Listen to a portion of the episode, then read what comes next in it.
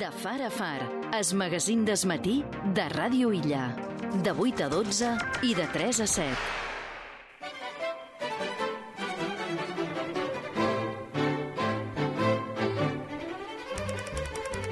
Va, 8 i 33, 3 i 33, obrim el nostre espai d'opinió avui amb el professor de la Facultat d'Econòmiques de la Universitat de Barcelona, en Miquel Joan. Molt bon dia, Miquel, benvingut a Radio Illa.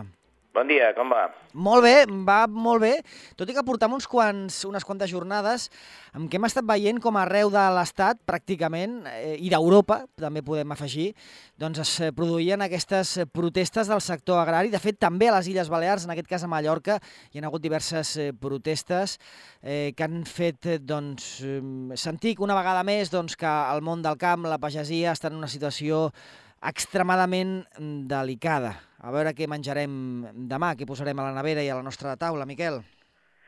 Bé, sí, realment va ser, va ser molt, molt impactant.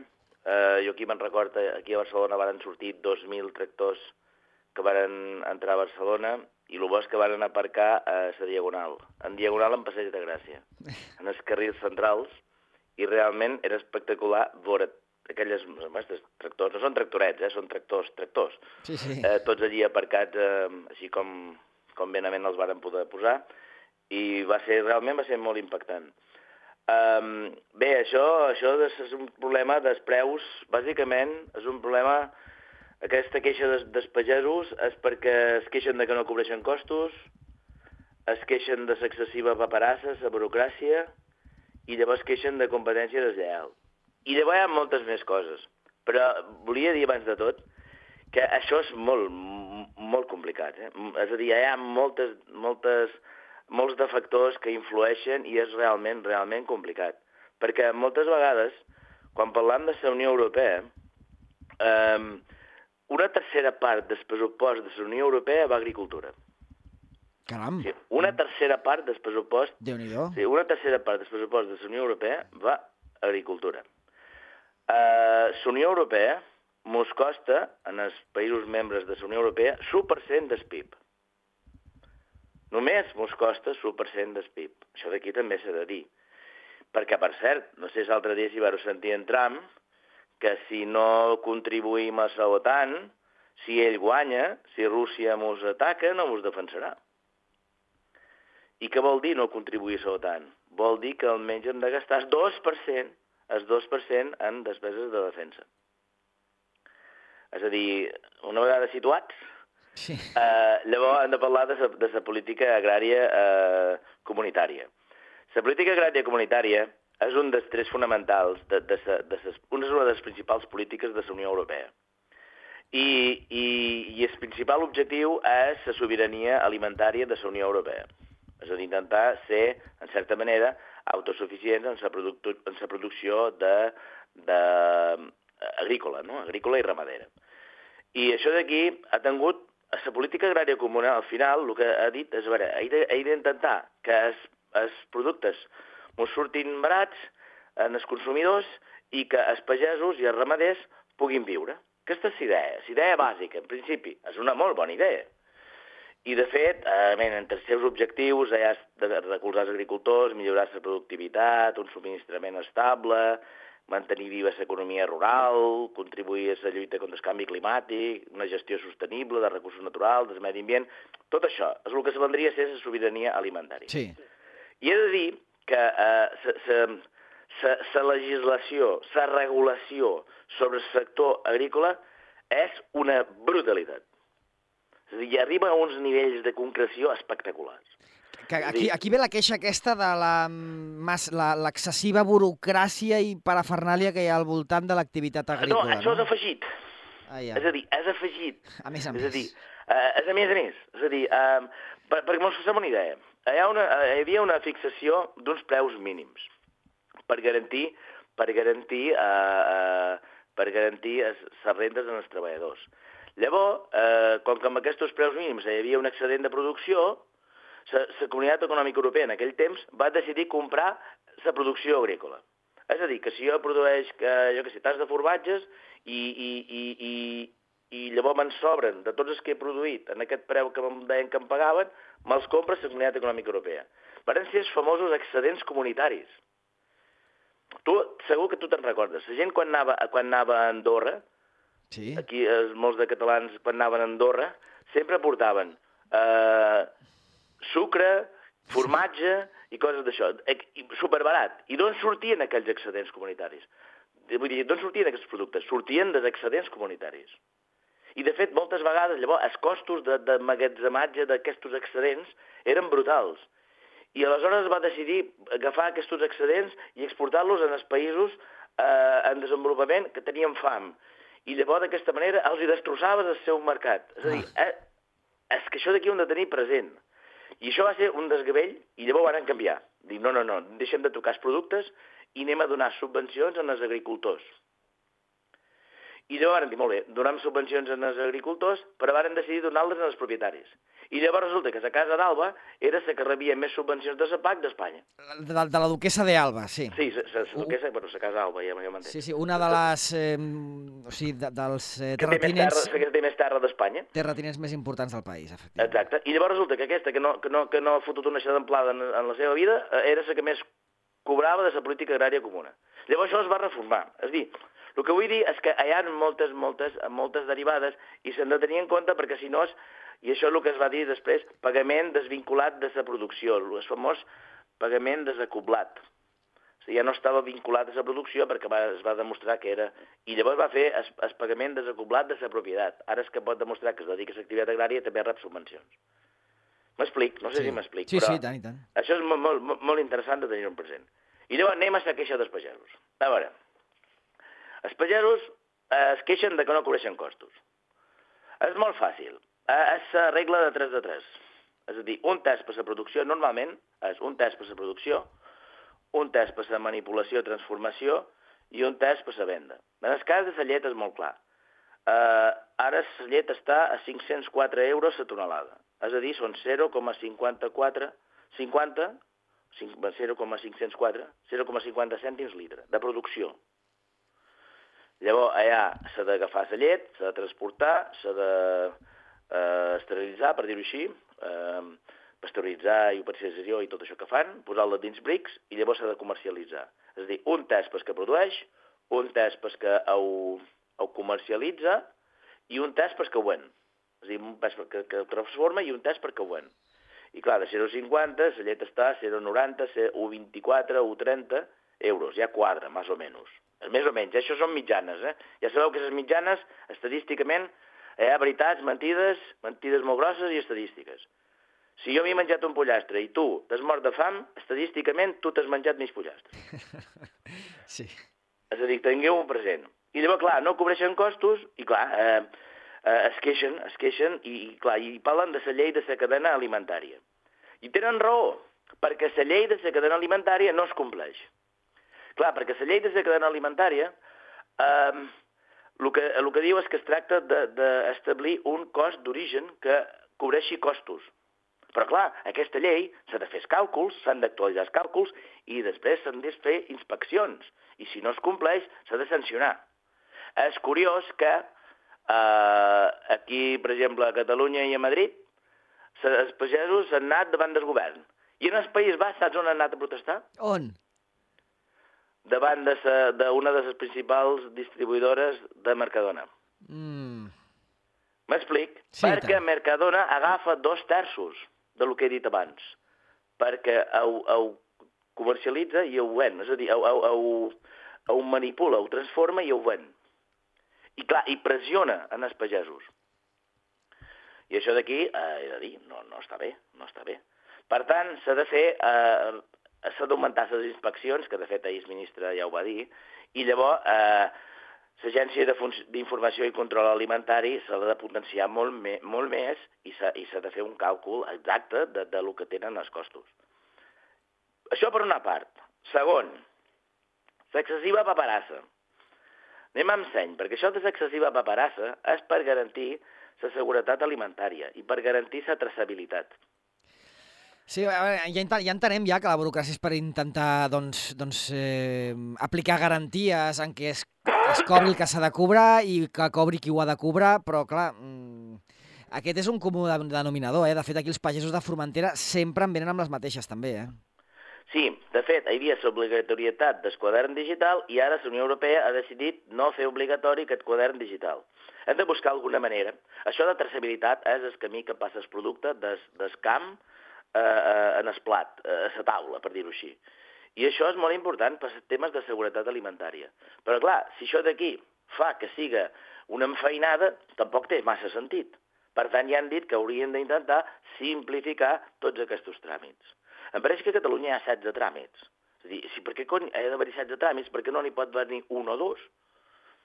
És a dir, està massa, massa, massa, massa, massa, massa liat, massa embolicat. És a dir, s'ha d'intentar simplificar eh, la PAC, en definitiva, que és el que de, tracta. De fet, eh, també he de dir que es va protestar molt eh, en els governs autonòmics i els governs centrals, però aquí qui mana és el govern de la Unió Europea.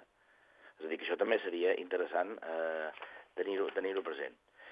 Llavors, també hi ha més coses. Els temes de la competència deslleial també tenen raó, però no tota. Tenen raó perquè diuen, a veure, aquí, ha tot, aquí eh, no es poden permetre uns certs pesticides i no es poden fer servir eh, i es demanen uns determinats estàndards de qualitat, que llavors en els productes que venen de fora no se'ls hi demana. Pues això el que fa falta és que hi hagi més controls. Sí. Que, que hi hagi més controls i d'aquesta manera. Però també he de dir que els temes de la competència deslleal és el tema de les importacions de tercers. Però clar, realment, per exemple, és molt difícil competir amb la taronja egípcia que està a meitat de preu. És molt difícil competir amb les taronges de Sud-àfrica. Mm. I moltes vegades també es fan trampes, perquè als Estats Units, als Estats Units va prohibir la importació de taronges de valencianes perquè deien que portaven un bitxet per allí volant, uh, un, un paràsit volant i que podia contaminar ser totes, totes les seves taronges que produïen allà per Califòrnia. És a dir que anem en seny perquè hi ha moltes, moltes, moltes, moltes cosetes, moltes derivades. De fet, um, es, a, a veure, es control aquest d'aquí és el que es diu la clàusula mirall, clàusula espejo. És a dir, jo, jo el que et deman que tu, eh, pagès, ramader europeu, demanaré en els productes que venguen de fora d'Europa. Sí. I, I llavors, per tant, més controls, més controls per multar les importacions irregulars. I això ha fet que la Unió Europea tiràs endarrere una nova normativa allà on prohibia més pesticides. Però a veure, un moment. Jo crec que prohibir pesticides no és una mala cosa. Per la nostra salut. Clar, si llavors d'importar importar productes agrícoles de fora d'Europa que estan carregats de, de pesticides, inclús que ja estan prohibits a Europa, això no funciona.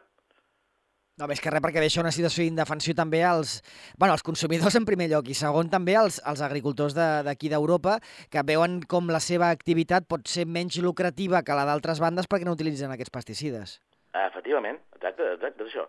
I llavors també, en temes de competència deslleial, hi ha una cosa que sí que aquí no hi podem fer res eh, que és el tema de, de salaris. Competir amb el salari mitjà d'un treballador al Marroc de, de 300 euros més és impossible. Clar. És a dir, això és impossible. Però també t'he de dir que hi ha un altre instrument, i l'altre instrument és eh, l'establiment, l'establiment, a veure, ho tinc per aquí, eh, quan, quan venen, quan, quan entren els productes... Eh, un arancel o què? Es pot posar un arancel del 40%. Clar. Home, això que té arancel del 40%. I a més, eh, que també s'ha de dir, perquè tot està previst, el que passa és que no hi ha... Jo crec que està bé que es queixin els pagesos, perquè, per exemple, existeix una clàusula de salvaguarda hmm. que es pot aplicar si aquestes importacions perjudiquen eh, la producció europea, però mai s'ha activat. És a dir, ei, que ens estava matant la nostra producció. Però també t'he de dir que les importacions que fem dels països associats és perquè tenen tractes de comerç preferencial en la Unió Europea, que hi ha pràcticament tots els països de la conca mediterrània. O sigui, és un acord ja previ, no?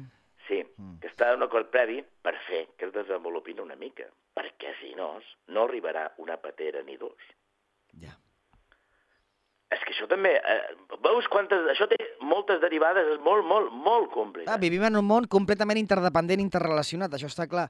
Eh, Miquel, una pregunta. Abans parlaves del que era la sobirania alimentària, no? Eh, en, en termes econòmics, diguem-ne, com, com ho veus? És realment necessari, convenient, que Europa tingui sobirania alimentària o podem prescindir d'això?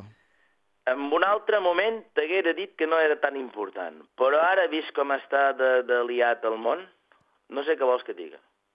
Eh, de fet, t'he de dir una altra cosa. Nosaltres mos queixam, i, i mos queixam de les importacions, però he de dir que Estats Units, la Unió Europea, el Japó, Austràlia i Nova Zelanda són verdaderes fortaleses agroalimentàries. És a dir, eh, tenen una, uns sectors, jo em fa molta gràcia perquè parlen sempre de lliure canvi, de lliure comerç i bla, bla, bla. Però he de dir que el sector agrícola d'aquests quatre casos, que són molt importants, si tu agafes Estats Units, Unió Europea, Japó, Austràlia i Nova Zelanda... Oh, inclús als Estats Units, no? La d'elit del lliure mercat. Sí, sí, sí. Sí, sí, sí, sí, sí, exacte. I, do, i do, això és la sessió, l'agricultura, i sempre és en el tema aquest de la sobirania alimentària. Jo, en principi, jo crec que quan més interdependència hi ha, per cert, el lliure comerç fa interdependència, i i si interdependència implica pau. Per tant, és defensable. Però, clar, quan no hi ha pau i hi ha guerra, llavors ja tens dubtes de que aquesta sobirania alimentària siga una, una, gran, una, gran, una gran cosa. Això de que la interdependència impliqui pau, explica'ns una mica, Miquel. Sí, perquè si jo, jo et ven coses a tu i tu me les compres a mi, jo m'he de portar bé amb tu. I tu t'has de portar bé amb mi. Sí, perquè si no deixaràs de vendre si, coses. si no, si mos emprenyam unes altres, mos estem, mos estem, estem fent sasa. Sí, sí, sí. Vull dir, eh, no, no sé si ho puc explicar d'una altra manera més evident. No, no, jo, jo, jo crec que queda molt clar. Es tracta, en, en definitiva, d'un escenari en què pràcticament tots els països són els nostres veïns eh, a efectes pràctics i cal, cal portar-se bé amb els veïns. Exacte. Però més coses. Tu fixa't que nosaltres estem, ens estem queixant, els pagesos es queixen de que no cobreixen costos. I nosaltres, quan anem a comprar, me cago un l'ou. Si la fruita no, no, no havia estat tan cara mai. Exacte. Què passa aquí? pues passa un tema de eh, el que parlen de les grans... Eh, de la pressió de les grans dels grans compradors, que són les cadenes de distribució alimentària i intermediaris. Per tant, s'han de reduir intermediaris.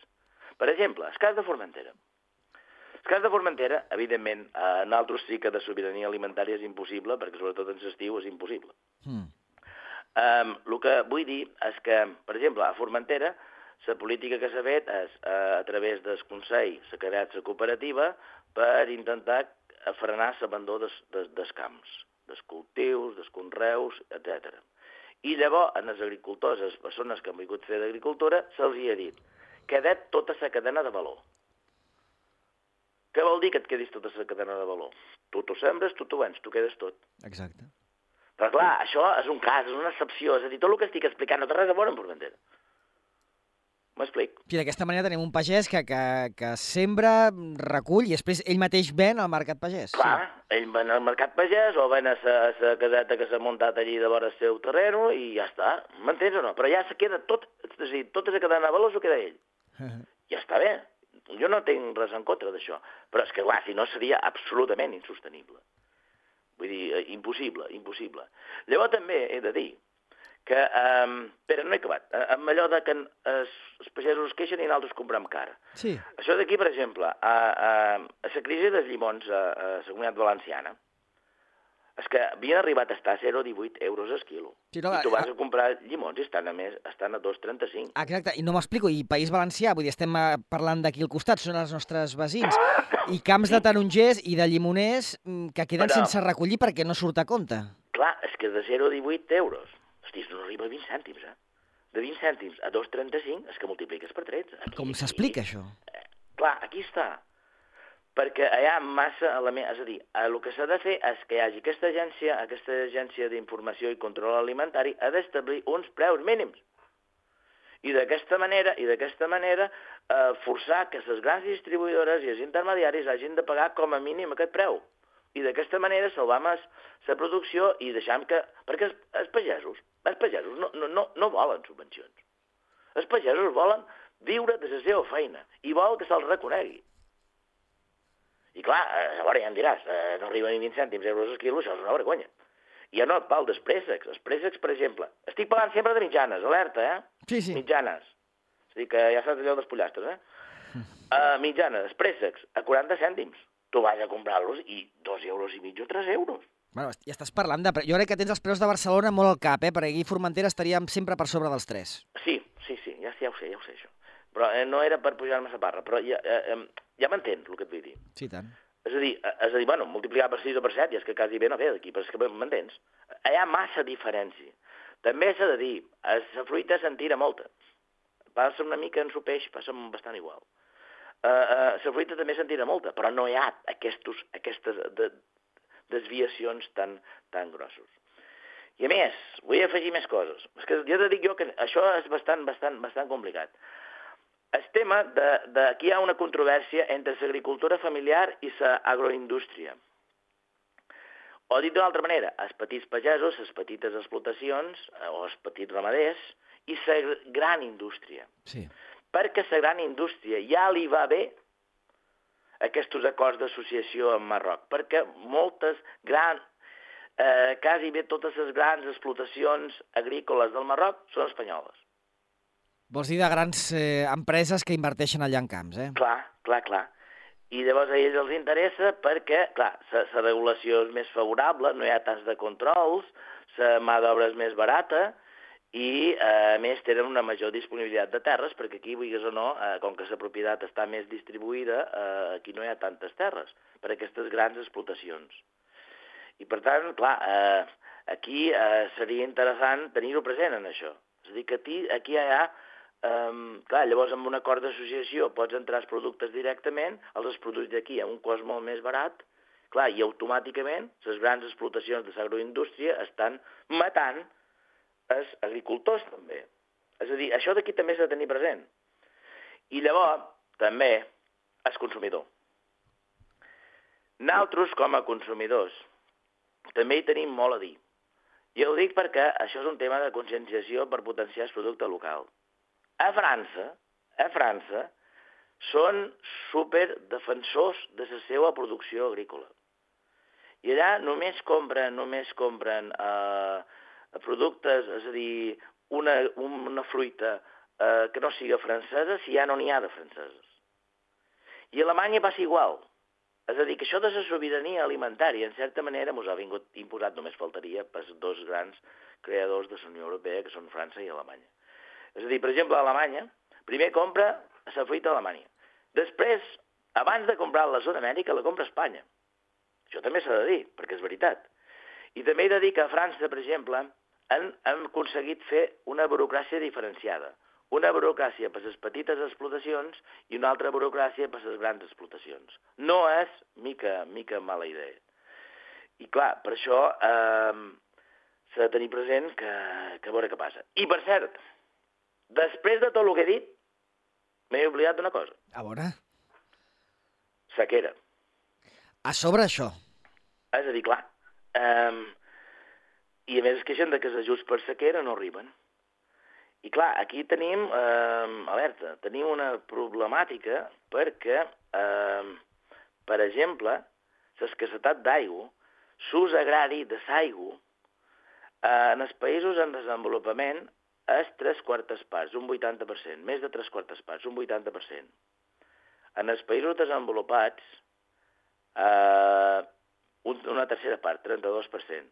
I a Espanya, Grècia, Portugal i Albània, dos terceres parts, més de dos terceres parts, un 72% del consum d'aigua és per ús agrícola. Repeteix, 72%. Caram. Per tant, si hi ha sequera, la falta d'aigua per la producció agrícola és brutal. I això fa que augmenti, augmenti eh, els costos, els costos agrícoles. I més coses, més llenya en el foc. El tema de la falta de relleu generacional de les explotacions, el despoblament del camp. I per acabar, una miqueta més de llenya. La competència de les fotovoltaiques i dels fons d'inversió per aconseguir terres en contra dels conreus. Ah, aquesta és una altra, no? Asbestes, diguem-ne. Exacte, exacte, cert, aquesta pel·lícula. Uh, per tant, uh, i més, li vaig afegir una altra. No sé si saps que l'acord d'associació de, de la Unió Europea i Israel exigeix el compl- associació comercial, m'explic, Mm -hmm. exigeix el compliment dels drets humans i dels principis democràtics. Ah, caram! Ah, caram. I d'això. Um, no sé si, si s'ha entès, però vull dir que hi ha un, un, un, un pollastre gros, però també s'ha de dir que segurament, eh, com sempre, ens haurem de rascar la butxaca, dedicar més sous en el pressupost de la Unió Europea per, per l'agricultura, i per cert, el que deia aquell, eh, també gastar més en armament, encara que no estiga gaire conforme, però crec que no hi ha més remei. És a dir que, clar, i no he parlat de medi ambient i, i, i, i realment és que es, es dona, dona, aquest tema dona, dona per molt. Tots tenen una bona part de, de raó. I llavors, per acabar, deixa'm dir una cosa. Deixa'm parlar d'una Sí. cosa. Uh, avui al diari d'Eivissa hi surt un, un d'això dels preus d'aliments en origen. És molt interessant aquest article que surt al diari d'Eivissa. Uh, diu, los precios de los alimentos en origen crecieron un 32% i parlen dels preus dels aliments en origen. Repeteix, mitjanes sempre, eh? Mm. I posen el preu en 2022 i 2023 i parlen de l'augment que hi ha hagut, que és brutal. En origen! Clar, imagina't, si en origen puja això, el que ha passat quan anem a, anem a comprar en el supermercat. I per acabar, just per acabar, el tema de les portes giratòries. A veure, Saps el que ha passat amb Alberto Garzón, exministre de Consum i excoordinador d'Izquierda Unida? explica'ns. Pues que va deixar, va deixar de, de ser ministre i de ser coordinador d'Izquierda Unida i va fitxar per una consultora i tothom se li ha fotut a la jugular. Clar, això d'aquí les famoses, famoses portes giratòries. Clar, a veure, eh, primer, hauríem de destriar, no és el mateix, anar a fer de consultor que anar a seure un consell d'administració.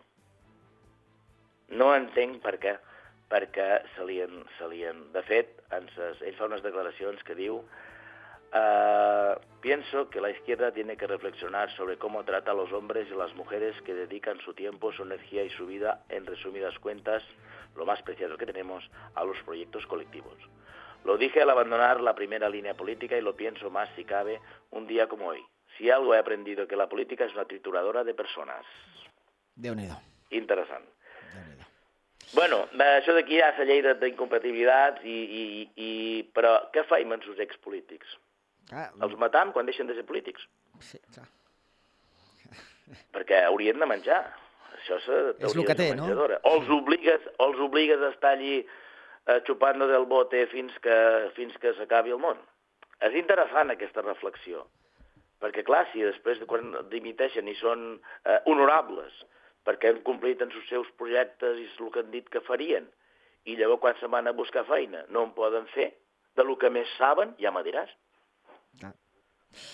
Doncs aquestes reflexions sobre el sector primari, especialment l'agricultura, que ens deixa avui en Miquel Joan, molt interessants. Moltíssimes gràcies, Miquel, que tinguis un feliç cap de setmana. Igualment, bon cap, cap de setmana a tothom.